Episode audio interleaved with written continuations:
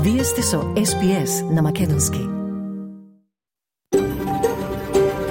SBS, a world of difference.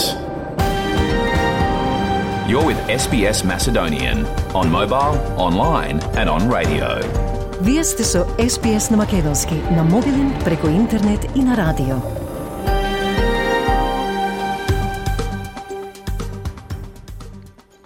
СБС им оддава признание на традиционалните собственици на земјата, со почит кон народот Боронџерево и Воранг, припадниците на нацијата Кулин, нивните минати и сегашни старешини и традиционалните собственици на сите земји на абориджините и народите на Торе Стрейт.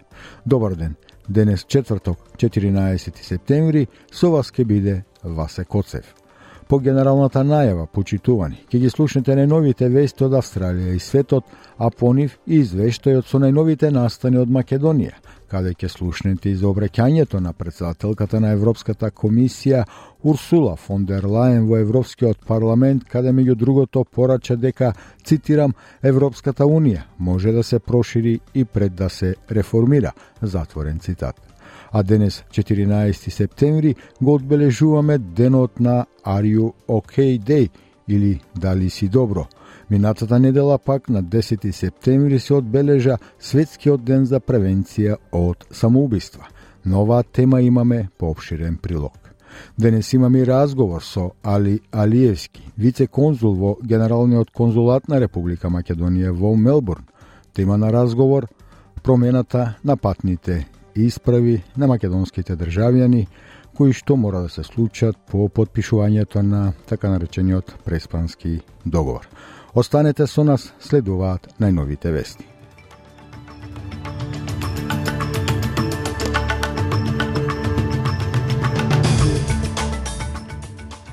Од денешниот билтен вести издвојуваме. 10.000 луѓе се водат за исчезнати, а повеќе од 5.000 загинаа во поплавите во Либија. Воведено е ново законодавство во Австралија насочено кон одбранбениот персонал кој открива државни тајни.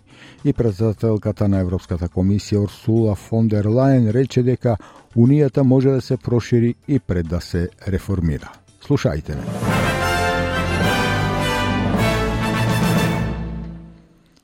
Илјадници луѓе загина, а најмалку десетилјади се волат за исчезнати во Либија во поплавите предизвикани од огромната медитеранска бура – Во Дерна, град со 125.000 жители, пукнаа брани, има урнати згради и дури четвртина од источниот крајбрежен град е уништен. Цели населби се поплавени. Мохамад Кабиси, директор на болницата Вахта, вели дека 1700 луѓе се убиени во еден од двата окрузи во градот, а 500 починале во друг. The number of dead in this particular section of the hospital is 1,700 deaths so far. We counted them as they were lying in the hallways. Whoever's identified by family or friends is then buried. There are some who have not been identified, so we started photographing them and assigning numbers to them, then burying them as well. On the other side, they buried 500 people. Things are very bad. The hospital is dilapidated. Комитетот за светско наследство и даде повеќе време на Австралија да се справи со големите закани за големиот корален гребен за да избегне да се вклучи во листата на локации под закана. Но тоа е привремено одложување и Австралија мора да поднесе извештај на почетокот на следната година за тоа што прави за да ја ограничи штетата предизвикана од климатските промени, лошиот квалитет на водата и други закани. Австралија силно лобираше гребенот да не биде вклучен во листата на загрозени локалитети и федералната влада изрази големо задоволство минатиот месец кога УНЕСКО во нацрта одлука препорача одложување на одлуката. Федералниот министер за животна средина Тања Плиберсек вели дека ја препознава посветеноста на владата за подобра заштита на глобалното богатство. Sources close to UNESCO said some time ago that the difference between the old government and our government it's a bit like night and day. And the, the real big change here is our commitment to act to reduce carbon pollution, to take climate change seriously. And I think this listing is a real reflection of that. So, um, great news. 29 годишен маж се бори за живот откако во текот на ноќта бил застрелан во лицето и телото во западниот дел на Сидни. Пукањето се случило во Блекет во 21 часот. Жртвата е пренесена во болницата Вестмет во критична состојба. Ова е второ пукање во последниве два дена откако 27 годишен маж беше застрелан во вторникот вечерта во Кемси. Полицијата истражува дали двете престрелки се поврзани. Поранешниот детектив од Нов Јужен Вилс, Питер Морони, изјави за Канал 7 дека стравува дека невини луѓе може да бидат повредени во она што се чини дека е војна меѓу банди. A lot of people can take a step back and go, look, I'm not involved in the drug trade and therefore obviously I'm not likely to be shot or killed. But what happens is that the more brazen these shootings are becoming, the more unchecked they're becoming, then more likelihood there will be that perhaps at some point a civilian will be caught up either in the crossfire or, or wrongly identified. И во Крајгебрн, во северниот дел на Мелбурн, две лица на 50 годишна возраст останаа неповредени по пукање од автомобил после полноќе. На повеќе од 1000 медицински сестри и акушерки работните позиции ќе им станат постојани во јавниот здравствен систем на Нов Јужен Вилс според мерката за финансирање што ќе биде вклучена во државниот буџет.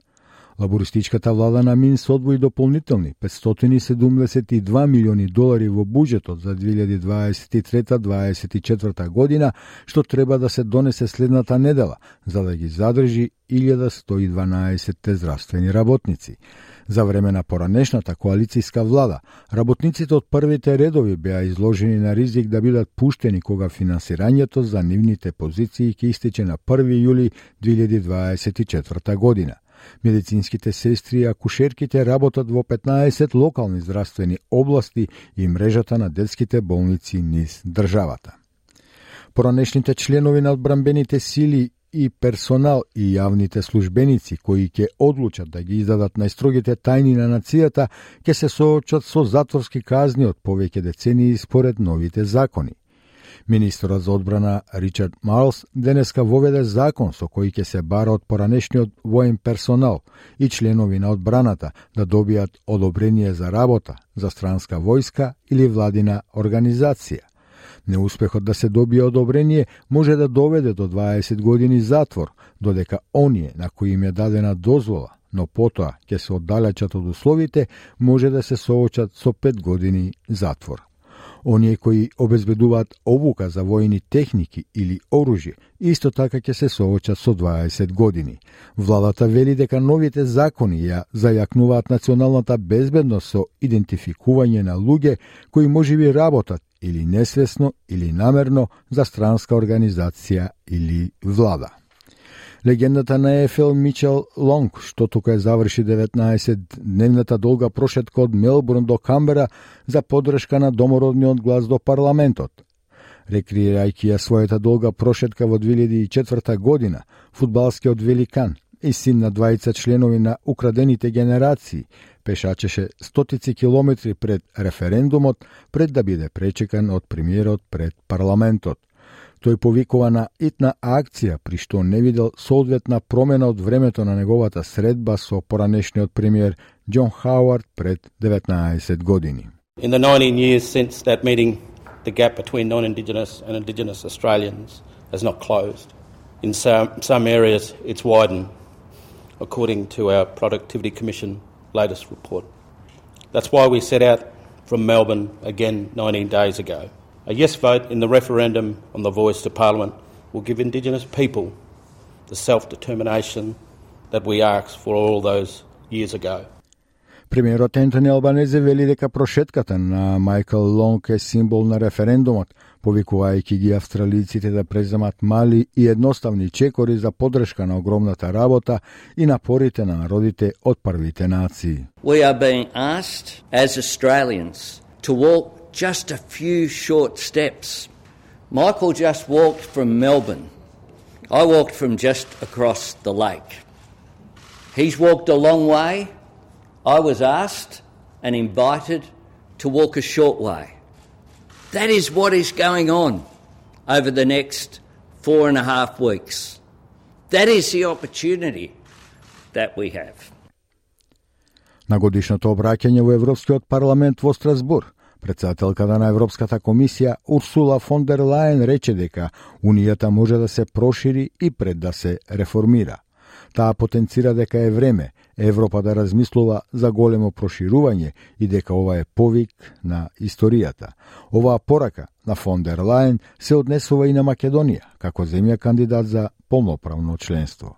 Фон дер Лајен, меѓу другото, рече дека иднината на Западниот Балкан е во Унијата. The future of the Western Balkans Еднината на Западниот Балкан е во нашата Унија. Ние не можеме ниту пак треба да чекаме промена на основниот договор за ЕУ за да продолжи проширувањето. На почетокот зборував како треба Европа да одговори на повикот на историјата. И историјата сега не повикува нас да работиме на комплетирање на нашата Унија. Во свет во кој некој се обидува да ги нападне земјите една по една, не можеме да си дозволиме да ги оставиме нашите сограѓани европејци на цедило. We cannot afford to leave our fellow Europeans behind. Американскиот стейт департмент ја критикува средбата на Ким Джонг Ун со рускиот председател Владимир Путин, откако Ким вети, цитирам, целосна и безусловна подршка, затворен цитат за Путин за време на самитот во средата. САД предупредува дека состанокот може да доведе до договор за снабдување со муниција за војната на Москва во Украина. Порт паролот на Стеј департментот Метју Милер вели дека ова е вознемирувачки развој на настаните. When you see Kim Jong un uh, vowing to provide full, unconditional support for Russia's so called sacred fight uh, to defend its security interests, which of course is not what it's doing with respect to the, the war in Ukraine. That, of course, is troubling. Uh, when you see what looks to be increased cooperation and probably military transfers, as we've said for some time, we have reason to believe they were uh, going to discuss military transfers. Um, that is quite troubling and would potentially be in violation of multiple UN Security Council resolutions.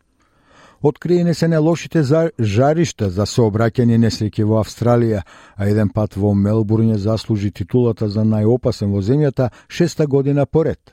Пленти Роуд кај Бундура во североисточниот дел на Мелбурн беше прогласен за најлошото жариште за несреќи во Австралија како дел од индексот на несреќи на осигурителот Ейми во 2023 година.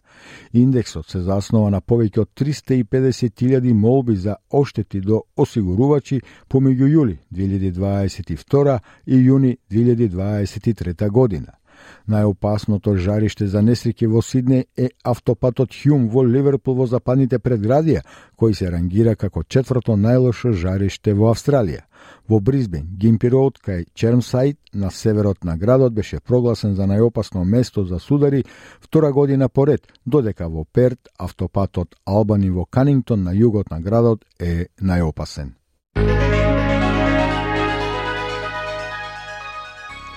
Од најновата курсна листа денес еден австралиски долар се менува за 0,59 евра, 0,64 американски долари и 36,49 македонски денари, додека 1 американски долар се менува за 56,89 македонски денари, а 1 евро за 61,10 македонски денари.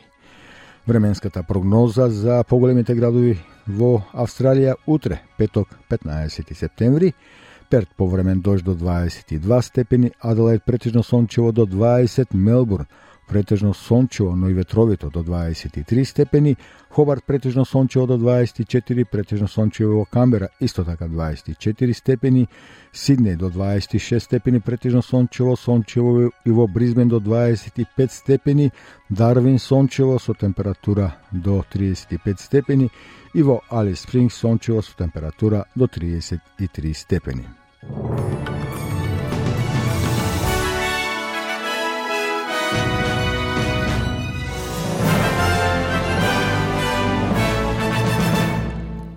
На програмата на македонски јазик на СБС радио ги слушавте најновите вести кои можете да најдете подоцна на нашата интернет страница sbs.com.eu косацата Macedonian, но и на Facebook SBS Macedonian.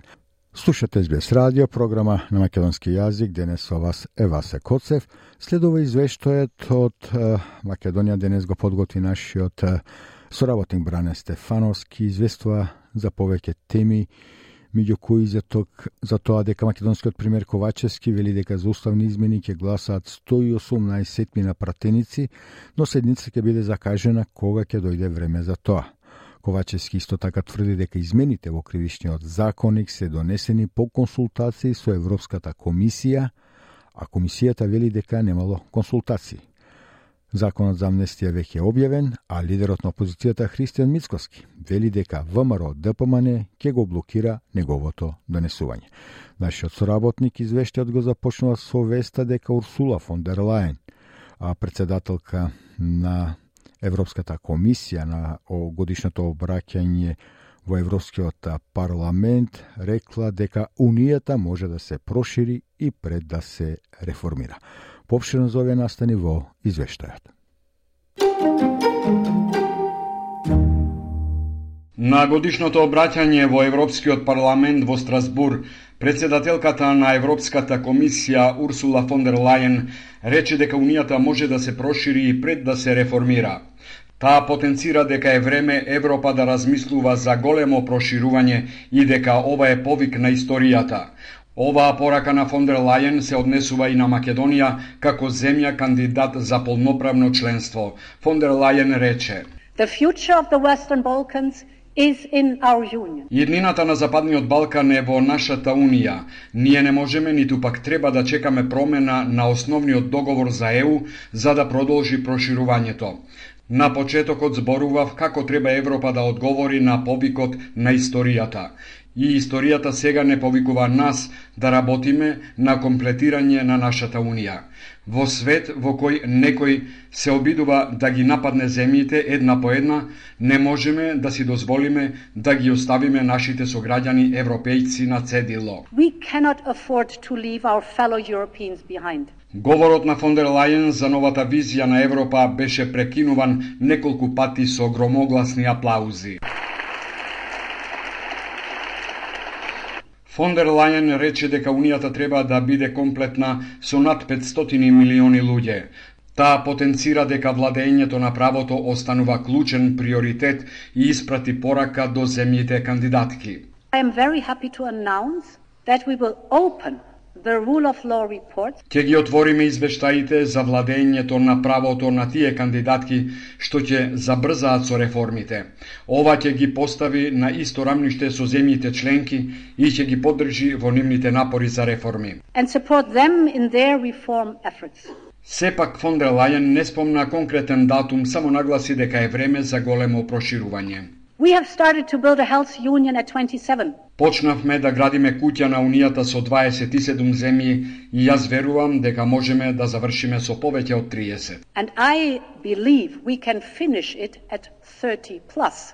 За разлика од председателката на Европската комисија, председателот на Европскиот совет Шарл Мишел за време на Блецкиот стратешки форум постави временска рамка и рече дека ЕУ мора да ги отвори вратите до 2030 година. Одговарајќи на новинарски прашања, премиерот Димитар Ковачевски вчера рече дека седницата за гласање за уставни измени ќе биде свикана кога ќе биде вистинското време. Ковачевски рече дека е оптимист и верува во преговорите што се водат, а времето ќе го покаже крајниот исход. До крајот на овој собраниски мандат има уште скоро година денат. Ова е шанса која не треба да се пропушти и секој треба да ја земе одговорноста пред себе и судбината во своји раци. Јас велам дека 100, 118 ќе има на крај, бидејќи левица они се против Европска унија, они се со Казахстан и со Таджикистан ќе правеле заедница. Лидерот на ВМРО ДПМН е Христијан Мицкоски пак при вчерашната посета на Ѓорче Петров на новинарите им одговори дека уставни измени ќе има само кога Бугарија ќе покаже волја за добрососедски односи, Воспротивно нема ништо да се смени а, уставни измени ние повторуваме повеќе од 15 месеци дека под бугарски диктат нема да прифатиме, не само сега, и во иднина. Ако ова се условите кои што ќе останат и идната влада на ВМРО да ДПМН нема намера да влезе во процес на уставни измени под овие услови, додека условите не се променат. Бугарскиот председател Румен Радев пак во интервју за грчката новинска агенција АНМПА изјавува дека измените на македонскиот устав не се бугарски барања, туку европски. Македонија мора да го измени својот устав за да им даде можност на бугарите да имаат уставна заштита и еднакви права со тоа што ќе бидат вклучени во уставот на еднаква основа со другите државотворни нации во земјата. Треба да се искорени јазикот на омраза и насилството врз бугарите, да се почитува и да се заштити бугарското културно и историско наследство, вели Радев за Грчката новинска агенција АНА МПА. Измените на кривичниот законник се во согласност со европската регулатива и ќе донесат поефикасен судски систем, тврди премиерот Ковачевски. Тој вели дека такви одредби за злоупотреба на службената положба имаат и Германија и Словенија. Ковачевски тврди дека сите процеси се во консултација со Брисел, а европското знаменце, ставено над насловот на законот, не е злоупотребено.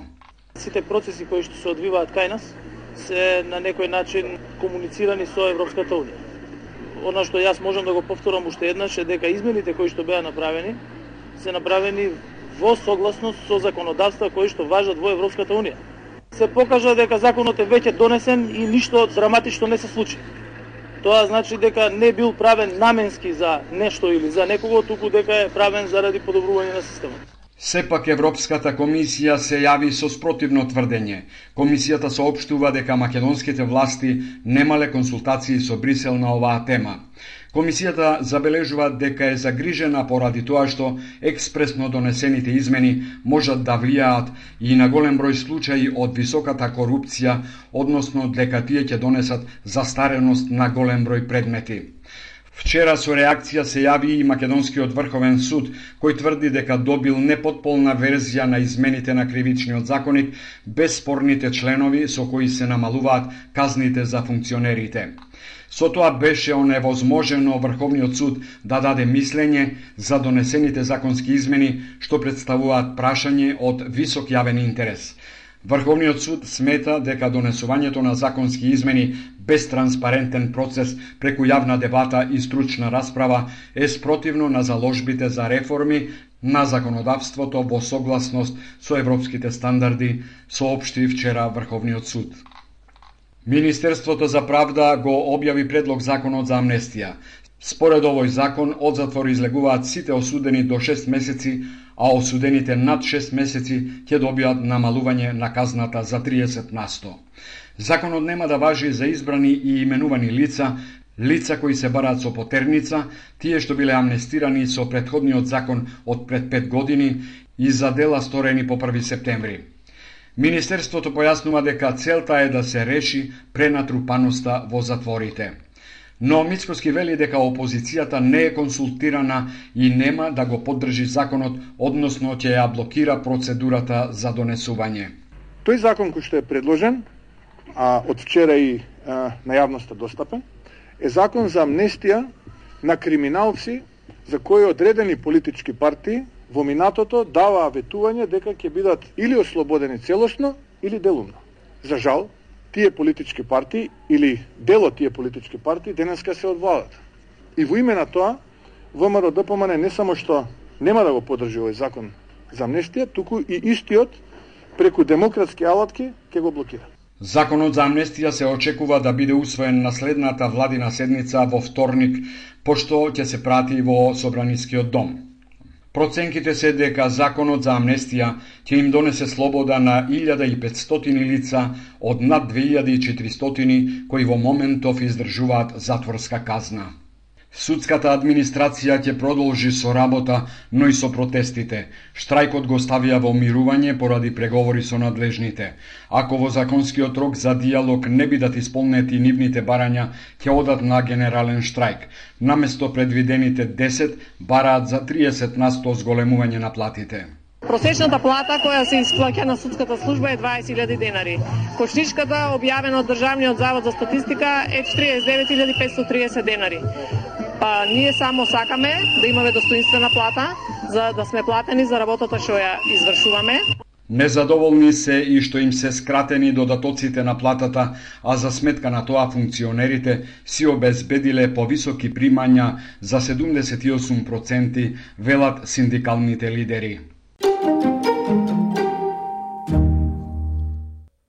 Тоа беше нашиот соработник Бране Стефановски со извештајот од Македонија кој ќе биде достапне, достапен подоцна на нашата веб страница sbs.com.eu косацрта Macedonian, но и на Facebook SBS Macedonian. Секако, тамо ќе ги најдете и останатите интервјуа, прилози и видеоклипови на разни теми. Инако SBS на македонски можете да слушате преко радио секој ден од понеделник до петок, но и онлайн и на мобиле. Слушате СБС радио, програма на македонски јазик. Денес со вас е Васе Коцев. Денес, 14 септември, го одбележуваме денот Are You Okay Day или денот Дали си во ред ден кога се информираме за се што е можно да се направи да им се помогне на лицата кои минуваат низ тешки периоди во животот и на кои им е потребна подршка со менталното здравје.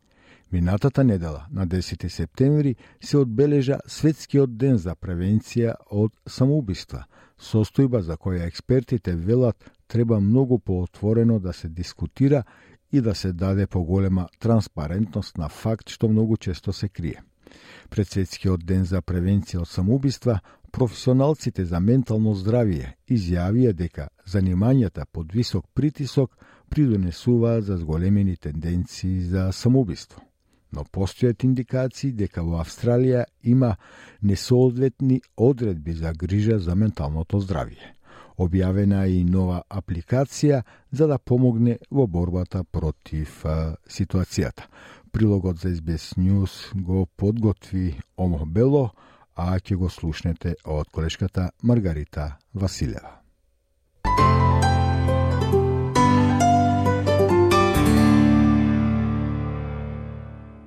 Самоубиството се уште е водечка причина за смрт кај австралиците на возраст меѓу 15 и 45 години. Новите истражувања покажуваат дека луѓето во професии под висок стрес се поранливи, а обидите за самоубиство се двојно поверојатни од оние во општата популација. Медицинските професионалци и оние кои работат во забавните индустрии со висок профил или финансиските услуги се особено подложни. Ruth Limkin, основач на The Banyans Healthcare, вели дека е важно да се разбере дека оние кои се исклучително успешни однадвор, не се имуни на нарушување на менталното здравје. Таа вели професиите со делумно висок притисок често имаат на вистина одржлив ментален, емоционален и физички напор и многу големи очекувања во работата и ги охрабрува луѓето да бидат многу свесни и да преземат некои проактивни мерки за нивната ментална благосостојба. So there's a few contributors to these really sad statistics. You know, partly high pressure occupations often have really sustained um, mental, emotional, and physical effort and very high job demands. And I think there's also often the sense of, I will just keep pushing through, this is what I need to do. And so we're really encouraging people to be very aware and to take some proactive action about their mental well-being. Marion Cartwright, социјален работник и психотерапевт со помош на коњи, вели дека постојаното соочување со високи барања и деноноќен притисок може да има негативни ефекти врз менталната благосостојба. Госпоѓата Картрайт вели дека постојат неколку знаци на кои треба да се внимава на себе или на саканите, кои може да укажуваат на ментална вознемиреност. Симптоми, вели Картрайт, на продолжено чувство на тага, осаменост, недостаток на енергија и апатија, повлекување од редовни активности и социјални интеракции, некои однесувања кои може да бидат подалеку од карактерот, а потоа преземање ризик. Исто така, промени во апетитот, Spijenje to ili zgolemena agitacija. Znači, ova se raboti na koju treba da se vnimava, spored Cartwright. symptoms of prolonged feelings of sadness, um, loneliness, lack of energy and apathy, withdrawal from regular activities and, social interactions, some behaviours that might be a bit out of character and are risk taking, um, also changes in sleep, appetite, or really increased agitation. So these are things to keep an eye out for. Светската здравствена организација WHO проценува дека 30% од вработените во компанија со 1000 лица ќе имат сериозен проблем со менталното здравје во која било дадена година. Еден ќе изврши самоубиство на секој 10 години, а 10 до 20 лица ќе се обидат да се самоубијат. Телото вели дека работодавците треба да го промовираат доброто ментално здравје на своите вработени и да имат план за поддршка на оние со ментално здравствени состојби или кои можат да бидат изложени на ризикот самоубиство. Се вели дека само околу една третина од работниците со депресија ќе се консултираат со професионалец за ментално здравје, лекар или програма за помош на вработени поради страф од стигма. А најновите податоци од Австралиското биро за статистика, Australian Bureau of Statistics, откриваат дека 52,9% од австралиците со 12-месечно ментално расстройство не побарале стручна помош. Господјата Лимкен вели дека многу професионалци со проблеми со менталното здравје избегнуваат да добијат помош, бидејќи се загрижени за тоа како тоа може да влијае на нивниот јавен профил или нивниот професионален капацитет. Или им е тешко да најдат време во нивниот распоред, вели таа. We know from our work at the Banyans Healthcare that individuals in really high pressure occupations or senior executive roles can often struggle to access treatment because they're concerned about how it might affect their public profile or their professional capacity. And also they, they find it hard to find time in their schedule. So that's why we're very passionate about creating options for people, um, whether it's day programs or residential, because we know and at the Banyans we're passionate about reducing barriers to accessing care. Та додава дека многумина од оваа категорија предпочитаат да најдат опции за третман што ќе ја почитуваат нивната приватност и ќе одговараат на нивните одговорности. Но психијатарот и професор по младенско ментално здравје, Патрик Макгори, верува дека пристапот до грижа за ментално здравје во Австралија е несоодветен. Тој вели само 50% од австралиците имаат пристап до грижа за ментално здравје кога им е потребна. Таа често се одложува и пристапот е блокиран – а квалитетот на таа грижа за менталното здравје е далеку под она што треба да го очекуваме во богата земја како што е Австралија, ако се спореди со грижата за ракот, на пример. We are in a situation where only 50% of Australians have access to mental health care when they need it. It's often delayed and uh, access blocked and the quality of that mental health care is, is, is well below what we should expect in, in a rich first world country like Australia, if we compare it to, say, cancer care. Во пресред на Светскиот ден за спречување самоубиства, Австралиската фондација за спречување на самоубиства лансираше бесплатна повеќејазична апликација Prevent a Suicide, What to Say и веб страницата Hold On To Life, за да им помогне на луѓето да обезбедат поддршка за своите најблиски кои имаат ментално здравствени тешкоти. Според Австралиското биро за статистика, 1 милион австралици се обиделе да се самоубијат, а 3 милиони сериозно размислувале за тоа во текот на нивниот живот. Основачот на апликацијата и Австралиската фондација за спречување самоубиства, професорот Дейвид Хоген, вели дека никогаш нема да има доволно професионалци да им помогнат на бројот на луѓе кои доживуваат самоубиствени мисли. Господинот Хоген вели дека мала е веројатноста дека луѓето кои имаат самоубиствени мисли ќе действуваат на тоа ако добиваат многу пораки за поддршка од нивните најблиски. It's designed to be so simple that as soon as that people mention it to their family, to their friends, that they wish they didn't wake up in the morning or they wish they were not alive. All you have to do is go on your phone, go into one of those services, and with one click, you can transfer a, a text message you think is appropriate onto your own phone, and it goes into the messages section of your phone and you can send it uh, as it is or modify it to make it more personal. Тоа е дизајнирано, вели Хауген, да биде толку едноставно, штом некој ќе спомне дека посакува да не се разбуди наутро или сака да не е жив.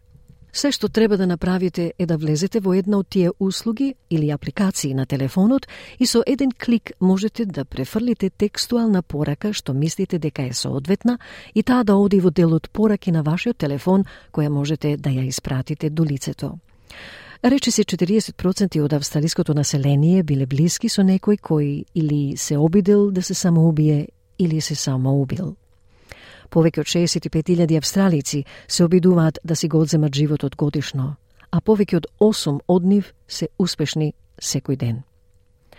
Најновиот извештај на Suicide Prevention Australia покажува дека домородните австралици умираат преку самоубиство со двојно поголема стапка од општата популација поради искуствата на дискриминација, историско одземање, насилно одстранување на деца, културно потеснување и исклучување. Тоа исто така покажува дека LGBTQI плюс луѓето имаат повисоки стапки на ментално нарушување и самоубиства од општата популација во Австралија поради искуствата на дискриминација и стигма. Господинот Макгори вели дека со оглед на степенот на штета во земјата, самоубиството е се уште премногу во сенката на јавната дискусија – Тој смета дека сегашните упатства за медиумите не се соодветни за целта и дека тие ги зајакнаа срамот и стигмата поврзани со самоубиството со тоа што се плашат да зборуваат за тоа отворено. Упатствата површно велат дека ворете да се зборува за тоа, но потоа обезхрабруваат, например, да го стават прашањето на насловната страница на весниците, ја обезхрабруваат употребата на самоубиство како збор во приказните, а честопати известуваат за смрт предизвикана од самоубиство без да го споменат фактот. I don't think that the current media guidelines are, are fit for purpose and I think they've reinforced the the shame and stigma associated with suicide by being afraid to talk about it openly. They, they, the guidelines superficially say that that that's okay to talk about it, but then um, that they discourage uh, for example, putting the issue on the front page of, of newspapers. They discourage the use of suicide as a word in stories, and they often report it um, um, a death which which has been caused by suicide without mentioning that fact. Господинот Макгори верува дека медиумите треба да бидат поотворени во врска со известувањето за самоубиство, штетата што ја предизвикува и колку може да се спречи. Тој додава дека тоа е голем јавен здравствен проблем кој треба итно да се дискутира, особено за младите кои се справуваат со огромни трошоци за изнајмување, цени на куќи, капитализација на работната сила, социјални медиуми и климатските промени. Овие мега трендови ја подкопуваат безбедноста на младите, вели Маккори. We're going to be serious about suicide prevention, we've got to do two things. The first is to understand the and and tackle the social determinants of of, um, of despair and suicide. Um, in young people, these are these are getting worse because of the economic predicament and precariousness of, of life for young people these days, with uh, huge rental costs, uh, house prices, casualization of the workforce, social media, and climate change. These megatrends are undermining the security of young people. Ако вие или некој што го познавате има потреба од поддршка, јавете се на Beyond Blue на 1300 224 636 или јавете се на Lifeline на 13 11 14. Од прилогот на Омо Бело за SBS News.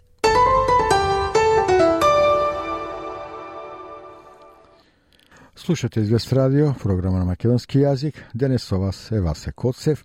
Следува разговорот со вице-конзулот во Генералниот конзулат на Република Македонија во Мелбурн, господинот Али Алиевски. Тема на разговор ќе биде издавањето на нови патни исправи кои се резултат на подпишувањето на така речениот преспански договор и промената на името, имено крајниот рок за добивање нови патни исправи е месец февруари следната година, 2024 година.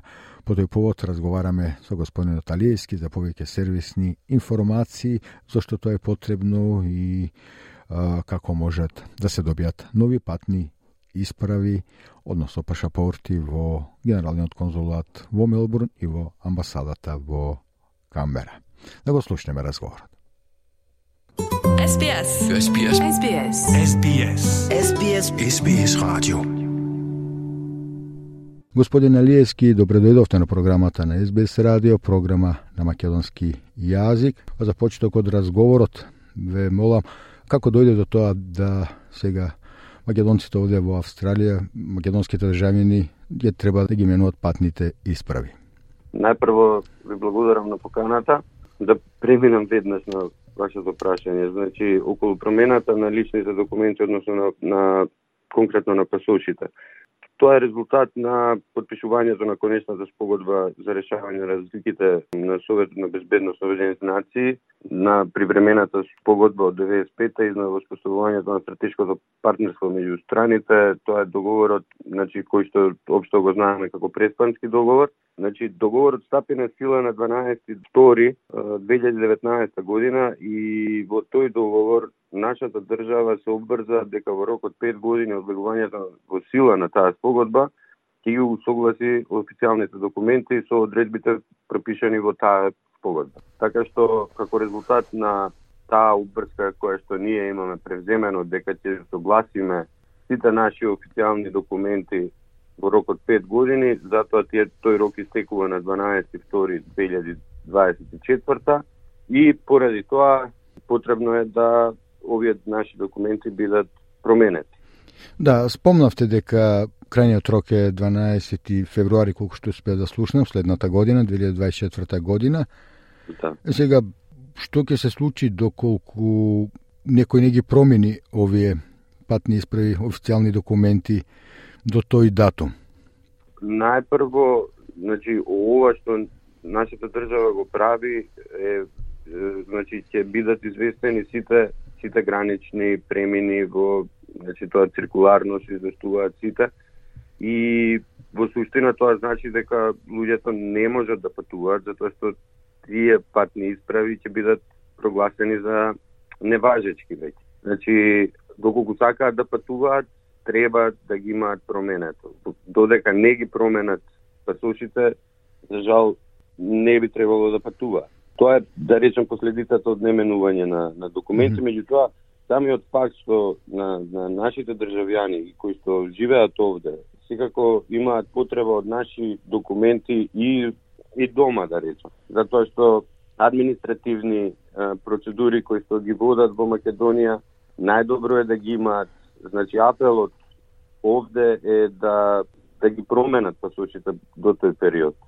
Да не оставаат простор да останат без документи, особено особено за оние наши државјани кои што имаат само македонски пасоши. Значи, двојните државјани и оние кои што поседуваат и австралиски патни исправи, за нив не е толку страшно, значи тие навлез во во Македонија. Ќе можат, ќе, значи со најава mm -hmm. дека ќе си ги променат исправите кога ќе влезат во државата. Така да постои таа можност, но тоа само доколку имате и, и австралиски пасос, да речем.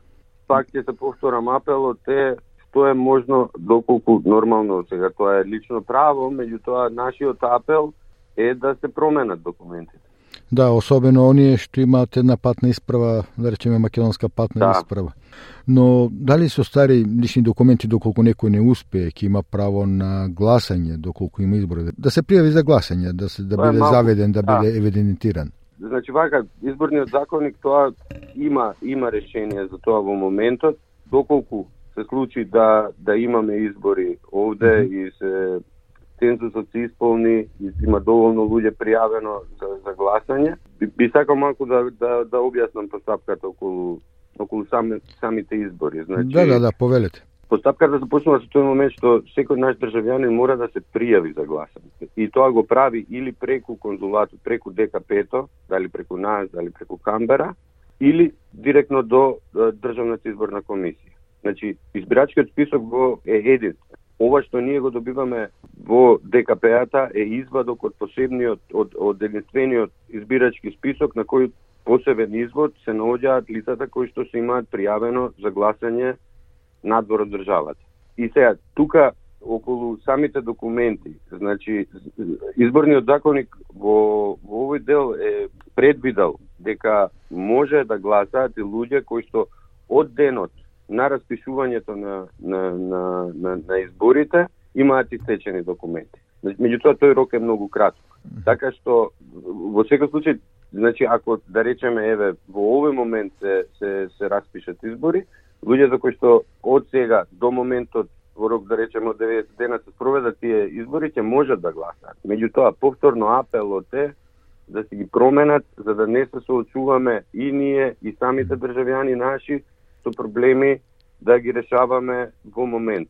Ве молам, ако изборите се во, во март идната година, после истекот на овој рок од 12 февруари, е тогаш дали ќе имат право да, да, да гласаат? Законот вели да. Да. да. Законот вели да, доколку, значи, вашиот документ е истечен, да речеме, еве, нашиве, mm -hmm. хипотетички сега зборуваме ако не знаеме што ќе се случи и кога би имало избори, меѓутоа хипотетички, како што ме прашавте, ако во март се одржат избори, да ќе можат со, со, со овие патни исправи, доколку нели имаат рок на важност и понатаму. Колку генералниот конзулат во Мелбурн е подготвен, како е екипиран за издавање на овие патни исправи и други документи. Во Австралија веројатно го покривате и Нов Зеланд овде, со оглед на тоа да. дека бројот на македонски државјани во Австралија е значително голем. Значи вака, во однос на Нов Зеланд, веднаш од таму да почнам, амбасадата во Камбера, надлежноста за Нов Зеланд има амбасадата во Камбера, меѓутоа сите заедно. Значи, нормално во однос на екипираност, сега ние сме, да речеме, мала држава, но постигнуваме или се трудиме максимално да постигнеме. А тоа го правиме, пак ќе речам, заедно и со амбасадата, и со нашите почесни конзули кои што се и во Перт, и во Сиднеј, и тие помагаат во однос на Нов Зеланд и на расширеноста и пространоста на оваа држава. Значи, одржуваме конзуларни денови, се формираат групи, ние одиме и во Нов Зеланд, така што во однос на оно што ме прашате колку сме mm -hmm. подготвени, сме подготвени. Значи, малку сме, меѓутоа пак заеднички во координација со сите, мислам дека можеме да обслужиме добар дел од нашите државјани овде и во Нов Зеланд. Во минатото разговаравме како тече постапката за вадење или нова патна исправа или продолжување на патните исправи. Меѓутоа, не е на одмет да повторим уште еднаш за нашите слушатели а, како можат тоа да го направат, бидејќи се случи повеќе измени во последните неколку години, па да подсетиме уште еднаш дека сега можат ми се чини дека преку имейл, електронски да се пријават. Да. Значи амбасадата и ние имаме еден формулар кој што нашите државјани треба да го пополнат. Тоа се лични податоци нивни и ние тие ги добиваме на мейл. Значи така функционираме во моментот, тоа е праксата. Откако ќе ги добиеме, значи ги проверуваме во системот што ни е за земање податоци, кој што е и на МВР, значи се проверуваат во система, ако е се во ред со, со податоците, закажуваме термин за сликање. Значи, нашите државјани овде треба да ни се обратат нас дали преку имейл или телефонски, и од тука значи ние ги упатуваме како понатаму да постапат, но во, на кратко тоа е тоа. Нам ни треба прво полната апликација со, со лични податоци од секој наш државјани за да можеме да да ги провериме во системот, доколку доколку има некако некаква грешка, таа ја исправаме во координација со МВР, со Министерството за внатрешни работи, но секако и тоа го решаваме, така што еве мал да речем податок од јануари еве до сега ние имаме 407 апликации за патни исправи. Верувате, значи ниту еден кој што се обратил кај нас не оставаме, значи се трудиме да да обезбедиме услови за да може да се да да, да извадат документи. Да, Доколку да, дури во, во самата постапка се јават некакви пречки, се трудиме максимално да ги отстраниме за да може да да дојдеме до тој момент да да луѓето можат да се извадат документи. Но и уште еднаш апелот е колку можат луѓето, пак ќе повторам, тоа е лично право, меѓутоа наш апел е да да ги променат документите. За секој е битно да има личен mm -hmm. документ, разбирате, и за, и за Македонија, особено затоа што пак ќе речем многу административни процедури се уште се водат и во Македонија за нашите државјани. И сакал да потенцирам дека имам секој се јавува тоа недоразбирање, значи лични карти преку конзулатот не се издаваат. Значи, ние не можеме лични карти и возачки дозволи да избавиме, тие се врзани со престојувалиштето во Македонија. Господин Елиевски, благодарам за овие информации. Ке бидат од корис за нашите слушатели. Ви благодарам и вам. SBS. SBS. SBS. SBS. SBS. SBS Radio. Ете, тоа беше разговорот со господинот Али Елиевски, вице-консул во Генералниот конзулат на Република Македонија во Мелбун. Разговаравме на тема за промената на патните исправи. Со тоа, почитувани слушатели, полека се ближиме до крајот на денешната програма. Уште еднаш да се подсетиме на најважните настани на денот.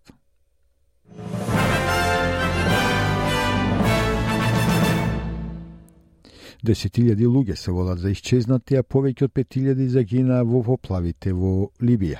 Воведено е ново законодавство насочено кон одбранбениот персонал кој открива државни тајни. И председателката на Европската комисија Урсула фон дер Лајен рече дека Унијата може да се прошири и пред да се реформира.